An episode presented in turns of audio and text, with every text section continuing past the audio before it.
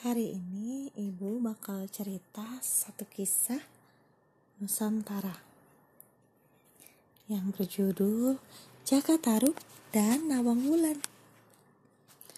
Alkisah di sebuah desa yang permai dan berhawa sejuk, hiduplah seorang pemuda tampan yang bernama Jaka Tarub. Jaka Tarub hidup sebatang kara untuk memenuhi kebutuhan hidupnya Jaka Tarub berburu binatang di hutan, bercocok tanam, dan mencari kayu bakar untuk dijual ke kota. Pada suatu hari, ketika fajar menyingsing dan embun pagi membasahi dedaunan, Jaka Tarub pergi ke hutan, membawa sumpitan untuk berburu kijang muda. Lalu ia menyusuri hutan, menyusup ke semak-semak, dan mengendap-endap di antara ilalang untuk mencari seekor kijang. Hingga tengah hari, tak ada satu hewan pun yang baru tampak. Jangankan kijang, ayam hutan pun bersembunyi entah ke mana. Cakap Taruk merasa lelah dan haus. Ia berjalan ke arah telaga kecil yang berada di tengah hutan untuk melepas dahaga dan beristirahat sejenak. Ketika hampir sampai di tengah telaga itu, sayup-sayup terdengar olehnya suara gadis-gadis yang sedang tertawa dan bersenda gurau. Jaka Taruk bercingkat-cingkat dan bersembunyi di belakang semak belukar. Ia hendak mencari tahu dari mana suara-suara itu berasal. Dari belakang semak belukar, ia melihat tujuh orang gadis yang sedang asik bermain di tengah-tengah telaga. Mereka saling menyiram-nyiramkan air sambil tahan hentinya bercanda dan sekali bersenandung. Semuanya cantik-cantik. Di antara ketujuh gadis itu, yang tercantik adalah seorang gadis yang menyematkan bunga teratai ungu di rambutnya.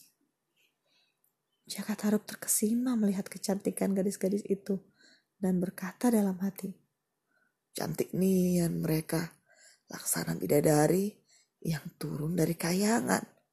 Siapakah mereka? Jaka Taruk memberanikan diri untuk mengamati mereka lebih dekat. Dengan amat pelan-pelan, ia bersembunyi di belakang sebuah batu besar yang berada di tepi telaga.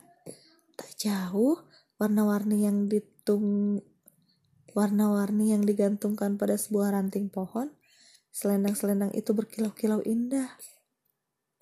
Oh, berjumlah tujuh helai selendang. Seperti bertabur intan berlian. Ada yang merah, kuning, oranye, hijau, biru, putih, dan ungu. Jakarta begitu terkesan dengan keindahan ketujuh selendang itu. Dan diambillah sebuah selendang yang berwarna ungu. Tak lama kemudian, salah seorang dari gadis-gadis itu berkata, Adik, hari sudah mulai senja. Sebentar lagi matahari akan tenggelam. Ayo, kita bergegas kembali ke kayangan. Jaka Tarub yang mendengar percakapan itu menyadari bahwa dugaannya benar. Ketujuh gadis itu adalah para bidadari yang turun dari kayangan. Mereka berenang ke tepi telaga satu persatu mereka mengambil selendang yang tergantung pada ranting pohon dan melilitkan selendang itu di pinggang. Semua bidadari itu tampak sibuk berbenah diri. Hanya seorang bidadari yang memakai hiasan bunga teratai ungu yang belum juga bersiap-siap. Ia kebingungan mencari selendang ungunya. Susah payah ia mencari ke sana kemari, tapi selendang tak kunjung ia temukan. Saudara-saudaranya juga turut membantu mencari selendang milik adik bungsu mereka dan berkata, Aduh dik, coba kau ingat-ingat lagi, di mana kau letakkan selendangmu? Tanpa selendang itu, tak mungkin kau bisa kembali ke kayangan. Sang adik semakin pangit. Sang adik semakin panik dan mulai menangis. Cekat harus mengamati semua yang terjadi. Hati kecilnya merasa sangat bersalah karena telah mengambil selendang ungu itu. Matahari semakin jingga, menandakan senja telah tiba. Salah seorang bidadari berkata, Bagaimana ini? Kita harus segera kembali ke kayangan. Sinar matahari semakin menipis dan kita bisa kehilangan menuju jalan kayangan. Lebih baik kita segera pulang dan terpaksa meninggalkan adik bungsu di bumi. Mungkin sudah takdirnya demikian. Bidadari-bidadari lain setuju. Dengan berat hati, mereka mengucapkan selamat tinggal pada sang adik. Satu persatu mereka terbang ke angkasa. Sang adik hanya bisa menangis sambil menatap kepergian kakak-kakaknya yang lama-kelamaan menghilang di balik awan. Jaka Taruk merasa iba sekali melihat si bidadari yang tertinggal itu. Suara tangisnya amat menyayat hati, sehingga Jaka Taruk tergugah untuk menolongnya. Jaka Taruk keluar dari persembunyiannya dan menghampiri bidadari itu. Bidadari yang eh, terisak-isak itu terkejut dan berkata, Jangan mendekat. Siapa engkau? Tolong tinggalkan aku sendiri. Dengan hati-hati, Jaka Taruk berusaha menjelaskan niat baiknya. Jangan takut. Namaku Jaka Taruk. Aku tidak bermaksud menyakitimu. Pondokku berada tak jauh dari hutan ini. Sebaiknya kau ikut denganku, sebab hari sudah mulai gelap. Tak baik bagimu untuk tetap berada di hutan ini sendirian. Si bidadari merasakan ketulusan hati Jaka Taruk. Ia menghapus air matanya dan menyambut uluran tangan Jaka Taruk. Sepanjang perjalanan menuju pondok, ia menceritakan siapa dirinya dan apa yang telah terjadi. Bidadari itu bernama Nawang Wulan. Singkat cerita, hari berganti minggu. Minggu berganti bulan, bulan berganti tahun. Jaka Taruk mempersunting Nawang Wulan. Keduanya hidup bahagia dan dikaruniai seorang bayi perempuan mungil dan cantik yang diberi nama Nawangsi. Pada suatu siang, seperti biasa, Nawang Wulan sibuk mengasuh Nawangsi. Jaka Tarub tidak pergi ke hutan untuk berburu karena ruas karena rusa hasil tangkapan sebelumnya masih cukup untuk lauk mereka sampai beberapa hari ke depan. Nawar Mulan berkata pada suaminya, Kanda, aku hendak pergi ke sungai untuk mengambil air. Tolong Kanda jaga sebentar bara api dan periuk di dapur, karena aku sedang menanak nasi untuk makan siang kita. Namun jangan sekali-kali, Kanda membuka tutup periuknya. Sepeninggal istrinya, Jaka lalu pergi ke dapur dan mengipasi arang yang panas agar api tetap menyala. Sambil mengamati periuk yang ada di hadapannya, Jaka Taruk teringat pesan Nawang Wulan untuk tidak membuka tutupnya.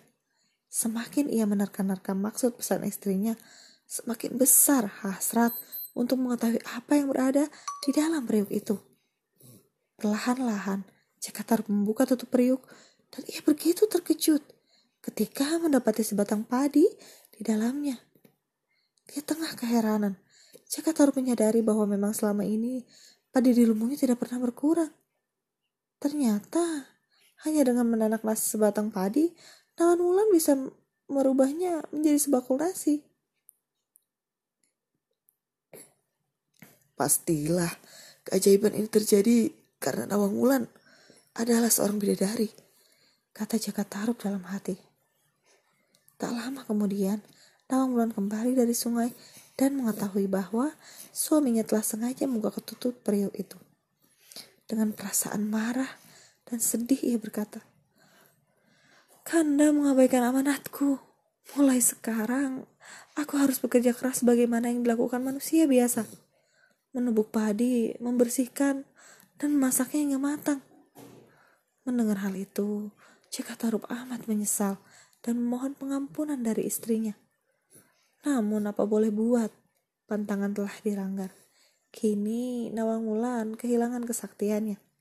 Setiap pagi, ia harus bangun sebelum pajar menyising untuk mulai menumbuk padi, menapinya hingga bersih, dan merebus air untuk menanak nasi.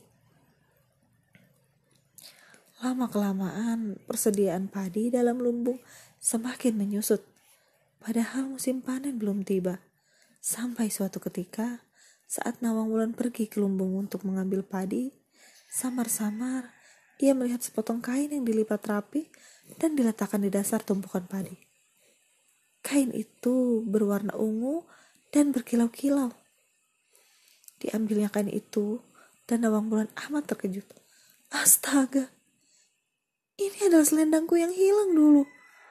Mungkinkah kakanda Jakarta yang mengambil dan menyimpannya? Kenapa ia tega melakukan itu? Batinnya dalam hati. Nawang Wulan bergegas mencari suaminya sambil membawa selendang itu. Jaka Tarub yang sedang mencakul sawah menjadi kalut dan cemas ketika melihat Nawang Mulan menghampirinya dan berkata, Kanda, takdir telah menentukan hubungan kita hanya sampai di sini. Selendangku telah kutemukan, dan itu pertanda aku harus kembali ke kayangan dan meneruskan jalan ibuku sebagai bidadari. Binda, jangan hukum aku seperti ini. Aku memang bersalah, dan apa pun akan kulakukan untuk menebusnya. Ingatlah akan buah hati kita, Nawangsi. Ia amat membutuhkan kasih sayang seorang ibu. Ucap Cakataru dengan terbata-bata karena menahan rasa pedih yang amat dalam. Hati Nawang Wulan sebenarnya tersentuh mendengar penyesalan suaminya. Terlebih, ia amat mengasihi Nawangsi. Namun, karena tekadnya sudah bulat, Nawang Wulan melilitkan selendang itu pada pinggangnya dan berkata, Kanda, aku akan tetap melaksanakan kewajibanku sebagai seorang ibu sampai Nawangsi sudah cukup umur untuk lepas menyusui. Buatlah sebuah dangau kecil di dekat pondok kita, dan taruhlah Nawangsi di sana setiap malam tiba. Aku akan datang untuk menyusuinya.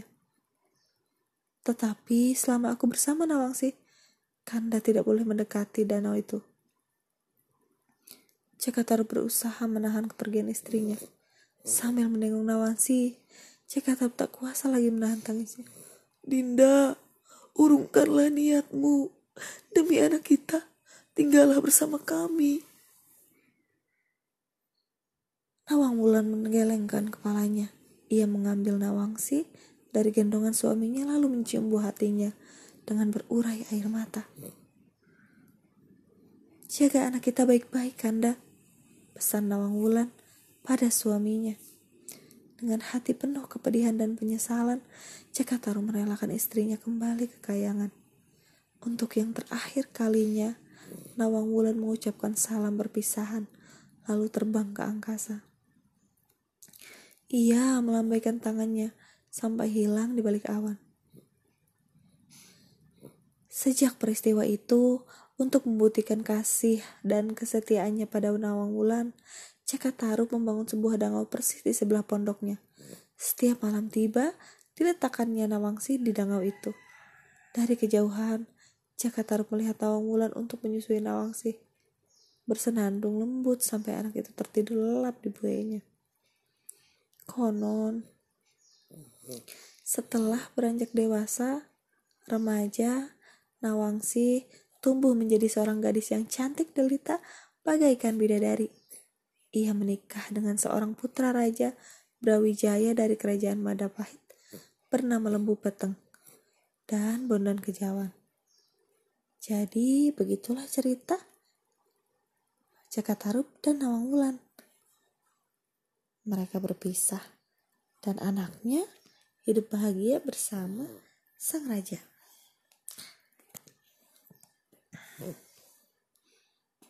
Hmm.